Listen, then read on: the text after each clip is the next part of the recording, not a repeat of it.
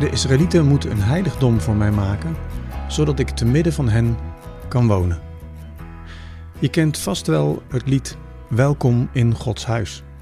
Of het wat oudere liedje Ik zal opgaan naar Gods huis met gejubel en gejuich. Zo spreken we vaak ook over de kerk, het huis van God. Dat doen we omdat we tegen elkaar zeggen dat we God gaan ontmoeten, Hem gaan prijzen, naar Gods woord gaan luisteren. En vroeger werden kerken natuurlijk ook wel godshuizen genoemd. Nu waren de kerken vroeger ook vaker gebouwen die een enorme indruk maakten. En je kon in de kerken vaak zelf het evangelie zien, geschilderd op de muren. Je rook de wierook en je kon het zingen horen. En nog zijn er van die kerken die je een gevoel van ontzag geven. Het idee dat de plek waar gelovigen samenkomen het huis van God is, is eigenlijk al heel erg oud en komt al ver van voor onze tijd. En de eerste stappen daarin komen we tegen in het boek Exodus. Heel lang geleden moesten de Israëlieten ook een huis bouwen voor God. Of beter gezegd, een opklapbaar of een verrijdbaar huis. De tabernakel. Dat eigenlijk gewoon tent betekent. En dat maakt al meteen dat we aanvoelen dat het een gek idee is om een huis te maken voor God. De psalmen zeggen: Waar kan ik heen gaan zonder dat u het merkt? Waar kan ik heen vluchten zonder dat u mij ziet? Ik kan wel naar de hemel klimmen, maar daar bent u. Ik kan wel afdalen naar het land van de dood, maar daar bent u ook.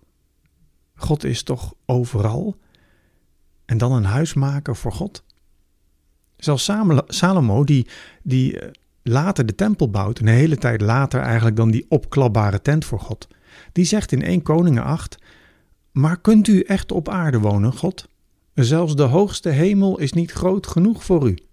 Dan is het huis dat ik voor u gebouwd heb zeker niet groot genoeg. Een goede vraag natuurlijk, die Salomo stelt. Hoe past God nu in een huis? Het kan niet. God is er veel te groot voor. En de profeet Jezaja, die schrijft, eigenlijk Gods woorden in hoofdstuk 66. Dit zegt de Heer, de hemel is mijn troon, de aarde mijn voetbank. Waar zouden jullie een huis voor mij kunnen bouwen?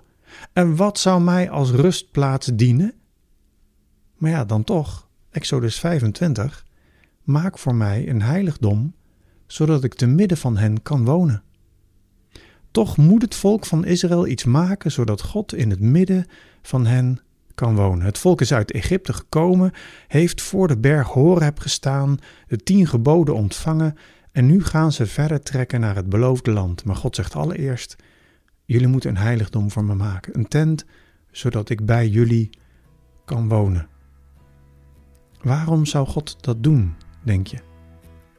In het volgende uur het vervolg waarin we nadenken waarom God dit van het volk vraagt en wat het eventueel voor ons vandaag kan betekenen.